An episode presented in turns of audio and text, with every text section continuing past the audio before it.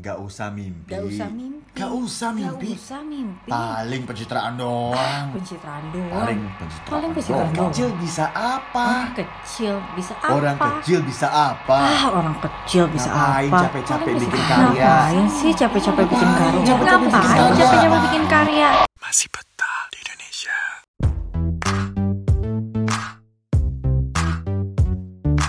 Kita Indonesia, bineka tunggal ika Meskipun kita beda semua boleh berkarya Ini podcast Bayu, celoteh seru-seru Karya muda jangan ragu, Indonesia pasti maju Hey, gue Ame, anak muda, cinta damai, hobi santai di pinggir pantai. Ada gue, podcast pasti ramai. Hey, kita kaya raya, banyak ragam budaya. Seribu lebih suku bangsa, tujuh ratusan bahasa. Tujuh belas ribu lebih pulau di Nusantara. Ayo anak bangsa, kita harus berdaya. Ragam media, sudah sedia. Kita butuh apa, jangan malu tinggal tanya Ayolah bersatu, bulatkan semangatmu. Buat inovasimu, mandirilah bangsaku. Indonesia, Indonesia, Indonesia. Indonesia, Maju, maju. Indonesia. Pasti maju.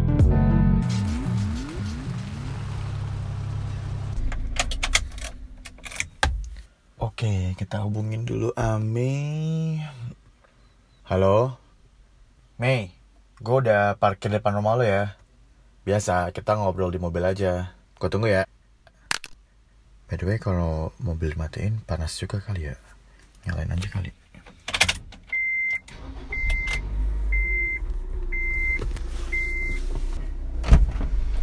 Eh, ini dia. Apa kabar lo?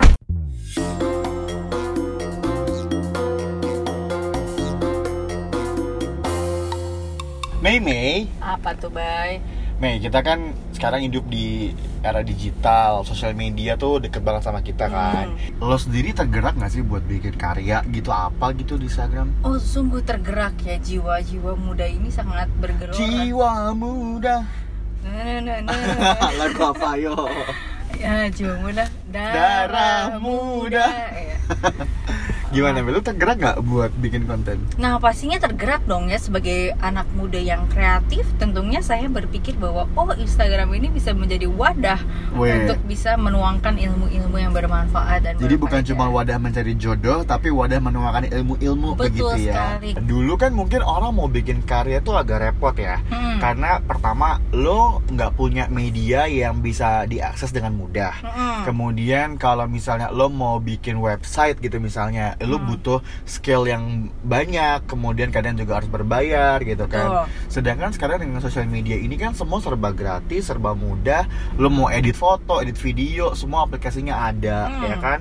Lo mau misalnya mau bikin tempat buat setting uh, syuting gitu kan? Hmm. Itu lo tinggal cari aja barang-barangnya via marketplace ya kan? Betul sekali. Tinggal klik klik klik klik klik uh, beberapa hari kemudian nyampe udah dikirimin ya Iya. kan? Itu kan artinya setiap dari kita itu tuh nggak ada lagi batasan untuk bisa berkarya. Semua bebas untuk berkarya apa pun yang mereka mau dan semua bisa sebenarnya. Hmm. Lo mau pakai Instagram, mau pakai TikTok, mau pakai YouTube atau mau pakai apa lagi nanti yang berikutnya ada, itu pasti akan bisa aja gitu. Hmm. Karena Hmm. namanya kreator kan lo akan selalu membuat sebuah karya apa pun medianya gitu kan kalau media kan cuma wadah sebetulnya Hmm. kan tapi kan tetap semua yang penting adalah kita tahu core value-nya apa ya nggak sih Mei misalnya oh kalau gue nih misalnya gue core value gue adalah speaking and also soft skill Hmm. maka apa pun konten yang gue bikin mau di mana pun itu medianya tetap core value-nya adalah tentang soft skill dan juga public speaking gitu kan kalau misalnya lo misalnya tentang psikologi atau tentang anime atau tentang ichigo apa gitu ya kan lo punya julukan khusus kan ame ichigo ya kan itu nama Friendster. Satu contoh media sosial yang sed- sudah tidak ada ya. sudah tidak ada iya, ya itu hanyalah bagian dari kenangan zaman la- eh, zaman bagian dulu ya. dari sejarah ya ibu iya, ya itu adalah kenangan bagi generasi milenial seperti kita ya, Pak ya. ah, ibu milenial ya Oh. ibu sok muda ya Baby boomers. Tapi emang emang ya dengan adanya sekarang ini era digital tuh kan pertama kita gampang berkarya, kedua Hmm. tuh jadinya lebih mandiri nggak sih? Betul banget. Nah, kalau lu sendiri sebagai content creator nih, apa sih eh, contoh kemandirian lo dalam bermedia sosial? Wah, kalau gua ya siapin setting sendiri, gua ngatur lighting sendiri dibantu papa sih. Kemudian gue uh, bikin script sendiri Hmm. ya kan, terus juga ngedit sendiri, ngepost juga sendiri, semua Wow. serba sendiri. Tapi emang ya udah, karena emang kenapa? Toh kita bisa kok ngelakuin Hmm. dengan mandiri gitu kan. Kalau memang ternyata nanti semakin besar dan ternyata bisa jadi lapangan pekerjaan buat orang Hmm. lain, ya kenapa enggak gitu kan? Betul, betul. Tapi kan kadang-kadang orang suka ini loh Mei kadang ngerasa aduh gue nggak punya tim. Jadinya gue nggak yakin dia mau bikin karya. Hmm. padahal yang paling susah itu kan bukan gimana caranya punya tim Tapi- tapi, yang paling susah itu adalah bagaimana caranya melangkahkan kaki yang pertama kali. Uh, ya kan? Betul. karena kalau udah langkah yang pertama lo jadi tahu oh kurangnya ini kurangnya itu yang susah ini yang perlu di backup sama orang yang mana. Jadi kan lebih hebat lebih jago kan? Hmm. jadi berawal dari kemandirian lo lo akhirnya bisa bermanfaat bagi lebih banyak orang. Betul, dan karena sebelum kita menjadi katakanlah pengguna media sosial yang handal nih, sebelum kita menjadi orang yang ahli dan punya tim, sebenarnya kita harus menguasai dulu ya, Bay ya, supaya kita bisa ngajarin juga ke orang, misalnya kita punya tim ya, supaya lu punya uh, satu ciri khas nih dari media sosial lu sehingga ketika lu pun punya tim nantinya misalnya lu punya tim kreatif lu bisa mengarahkan. Misalnya eh nanti gue mau bikin kontennya kayak gini lu nge-shootnya kayak gini ngeditnya seperti ini gitu. Karena kita sudah punya nilai-nilai yang harus dicapai dari bermedia sosial itu. Betul itu setuju banget gue Mm-mm. karena lo harus bisa mendiferensiasikan diri lo sendiri kan baik ketika di sosial media. Karena kompetisinya begitu luar biasa. Betul sekali. ini kan lagi pandemi ya.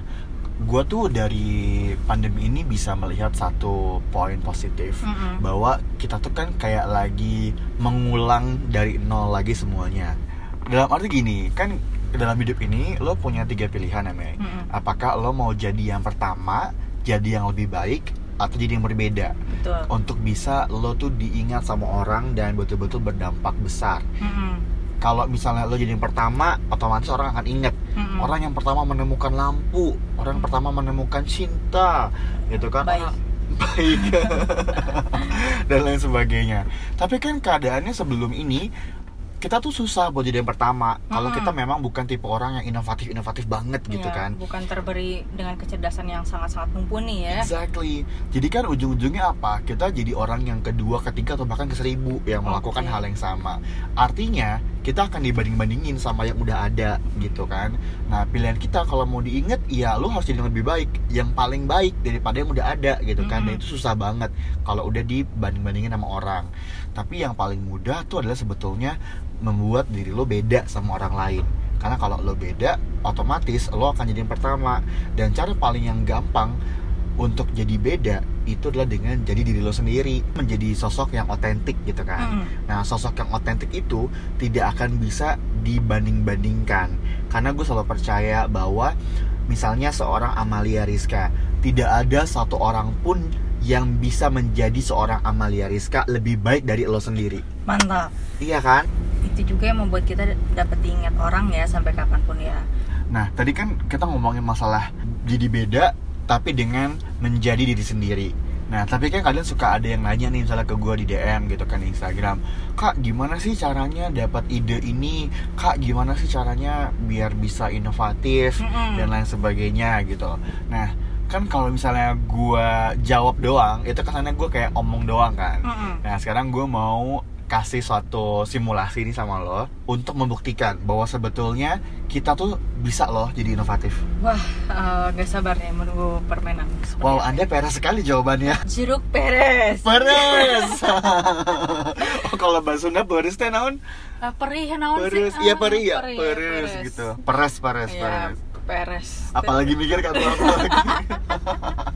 eh ikan tuh bukannya suka diperes ya Hah? ikan peres Pe- Peres? pe- peres Pepes, pepes. Astagfirullahaladzim. Pepes itu itu loh yang motor yang pesta ada orang teh orang Sundanya. Iya, sok sok mangga lagi So, kita main-main ya sekarang Iya. ya. Gua akan kasih lo kata kunci nih, Mei. hmm Nah, kata kunci itu nanti lo bayangin. Misalnya gini, pertanyaannya, jika saya menjadi laba-laba, oh saya akan... saya akan mengeluarkan jaring-jaring untuk menolong orang terima Ah, kasih berisik sekali motor ini. Kenapa sih? Emosi deh saya. Kebetulan rumah saya belum yang gede banget yang kedap suara seperti rumah-rumah artis. ya. Wow. Jadi guys, ini kita uh, tag podcast itu di sebuah tempat yang sangat istimewa, yaitu di garasi rumah Amei. Iya betul sekali ya. Jadi ya mohon maklum ya kalau ada suara abang somai, ada suara motor lewat. itu gitu. adalah keberagaman Indonesia.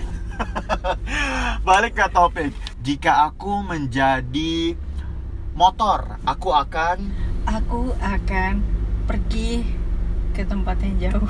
apa sih? Mei? Terlalu susah ya, terlalu abstrak ya. Terlalu susah.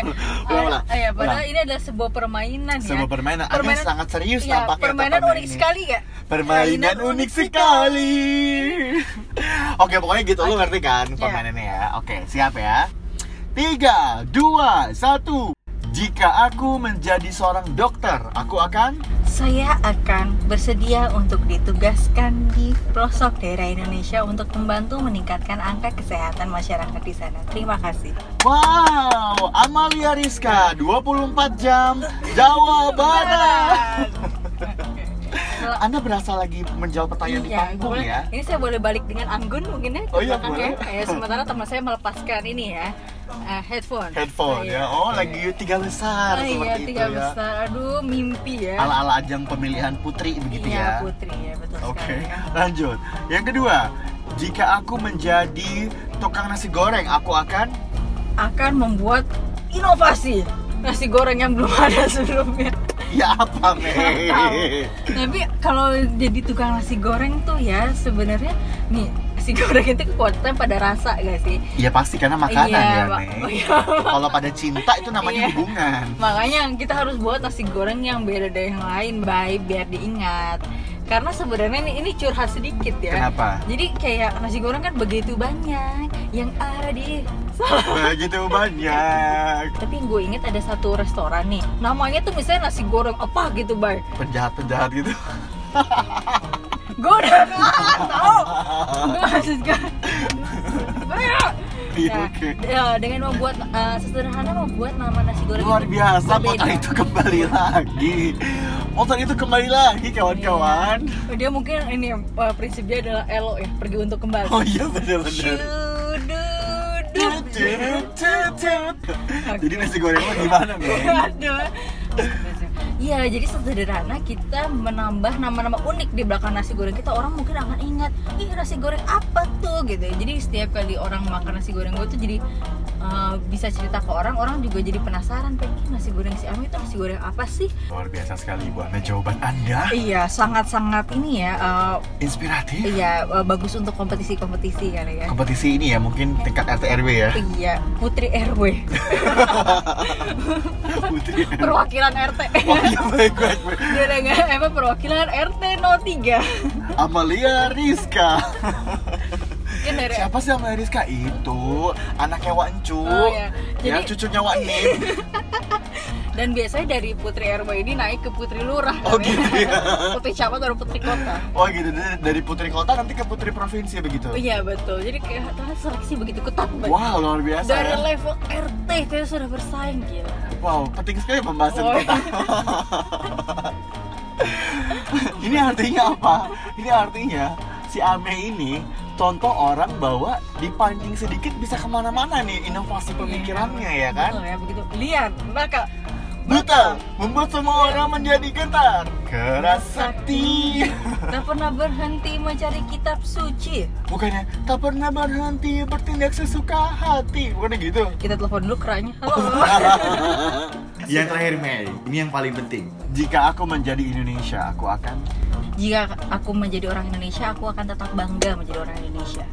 Yang maksudnya mungkin klise ya terdengarnya tapi uh, kita harus uh, bangga karena sebenarnya kadang tuh orang ingin ber- uh, berpikir untuk berpindah kewarganegaraan atau tinggal di tempat lain. Tapi kalau buat gue pribadi sebenarnya apa yang terlahir dalam diri kita itu sebenarnya tinggal kita manfaatkan aja. Karena dengan kita berpindah ke negara lain pun belum tentu kondisi lebih baik kan. Jadi kita harus bangga dan dengan apa yang kita punya nih jangan bertanya apa yang negara bisa berikan untuk kita tapi apa yang bisa kita berikan untuk negara kita terima kasih.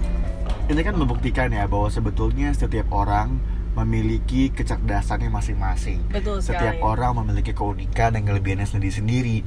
Dan kuncinya adalah kita harus yakin bahwa kita memiliki potensi yang sangat luar biasa, bahwa kita adalah orang yang beda dengan orang lain, kita punya kekuatan kita sendiri, sehingga kita bisa mendapatkan sebuah keyakinan bahwa kita ini mampu untuk berkarya, kita mampu untuk bisa terus mandiri, dan kita juga mampu untuk membuat inovasi-inovasi untuk membuat negara Indonesia lebih maju lagi. Jadi nampaknya sudah ada 15.000 orang yang mendengarkan podcast kita ya. Ini Iya. kan sebagai bentuk inovasi kita juga ya, kita bikin konten di podcast begitu. Iya betul. Dan ini kita beli beli listener ya. Sih? Udah nggak zaman lagi beli follower ya, Iya. sekarang beli listener Iya, gitu. karena ternyata gue baru tahu YouTube juga ada beli viewer. Oh, ada beli viewer. Bentar, bentar. Gue mau telepon teman gue dulu. Po Eli, Po Eli. Minta tolong dikirimin viewer sama listener sama Po Eli. Po Eli Sugigi. Iya.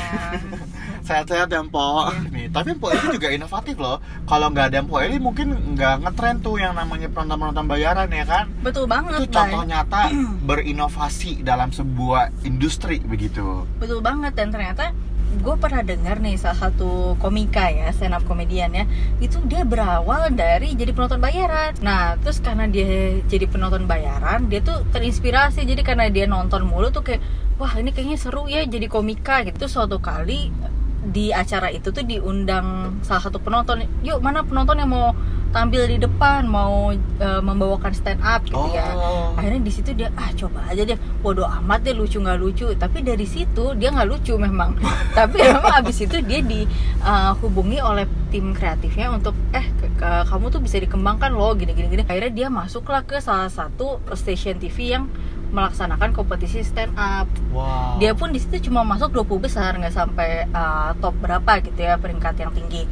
Tapi dari situ dia dapet job ke job yang lainnya. Sampai sekarang dia udah mungkin lebih terkenal dari beberapa komika lainnya gitu. Itulah Mei yang gue bilang tadi bahwa melangkahkan kaki yang pertama itu yang paling susah, tapi justru itu yang bakal menuntun kita bertemu dengan langkah-langkah berikutnya, ya kan? Dan gue boleh ngutip nih ya eh, dari Bang Chandra Liao sekitar 3 atau 4 tahun yang lalu Mm. dia pernah bikin sebuah video klip di YouTube yang keren banget judulnya nggak apa-apa jelek yang penting sombong wah gitu jadi nggak apa-apa jelek. Yang penting sombong gitu lagunya. Maknanya bagus banget Mei. Artinya gini kayak kalau lo ngerasa punya sebuah ide atau sebuah pemikiran gitu kan tapi lo nggak yakin itu bakal bagus atau bakal diterima orang gitu nggak apa-apa lakuin dulu aja. Nggak apa-apa jelek dulu di awal. Sombongin dulu aja karya-karya lo lakuin dulu aja. Tapi kan pada akhirnya dengan dia berkarya pertama dapat Mm. masukan dia berkembang lagi dengan karya-karya yang sangat luar biasa. Iya betul sekali. Bay dan bisa dibayangkan ya dari kisah penonton bayaran jadi komik yang terkenal itu ternyata dari yang awalnya penghasilan cuma belasan ribu per hari bisa jadi uh berkali-kali lipat karena keberanian dia untuk ah maju ah bodoh amat lucu nggak lucu. Dan saat itu juga nggak ada mungkin yang ketahui sedikit tapi lama-lama dia berkembang berkembang jadi sekarang lucu banget menurut gua. Intinya semua bisa dan ini adalah saat yang tepat untuk mulai lagi dari nol. Betul-betul kesempatan yang bagus untuk lo jadi orang yang pertama untuk melakukan segala macam inovasi dan adaptasi di segala macam kebiasaan baru ini. Dan menutup podcast ini gue ada pesan yang mau disampaikan sama teman-teman yang ngedengerin podcast ini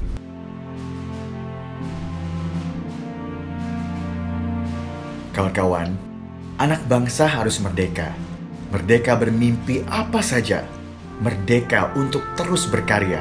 Setiap asa positif boleh saja diukir untuk menjadi nyata. Hingga anak bangsa mengejewantah di seluruh dunia. Kita boleh kaget dengan hadirnya pandemi, tapi kita juga boleh berimprovisasi untuk beradaptasi. Saatnya tingkatkan kemampuan diri, bebaskan inovasi dengan memanfaatkan teknologi. Karena negeri ini harus berjaya kembali. Untuk itu, kita semua harus bersatu agar kita bisa menjawab segala tantangan yang sedang menderu. Gunakan akal, tidak perlu saling cekal. Mantapkan solidaritas massal, harus bangga buatan lokal. Mandiri, Berdikari, percaya diri. cinta bangsa sendiri. Bersama kita bangkitkan kembali negeri ini.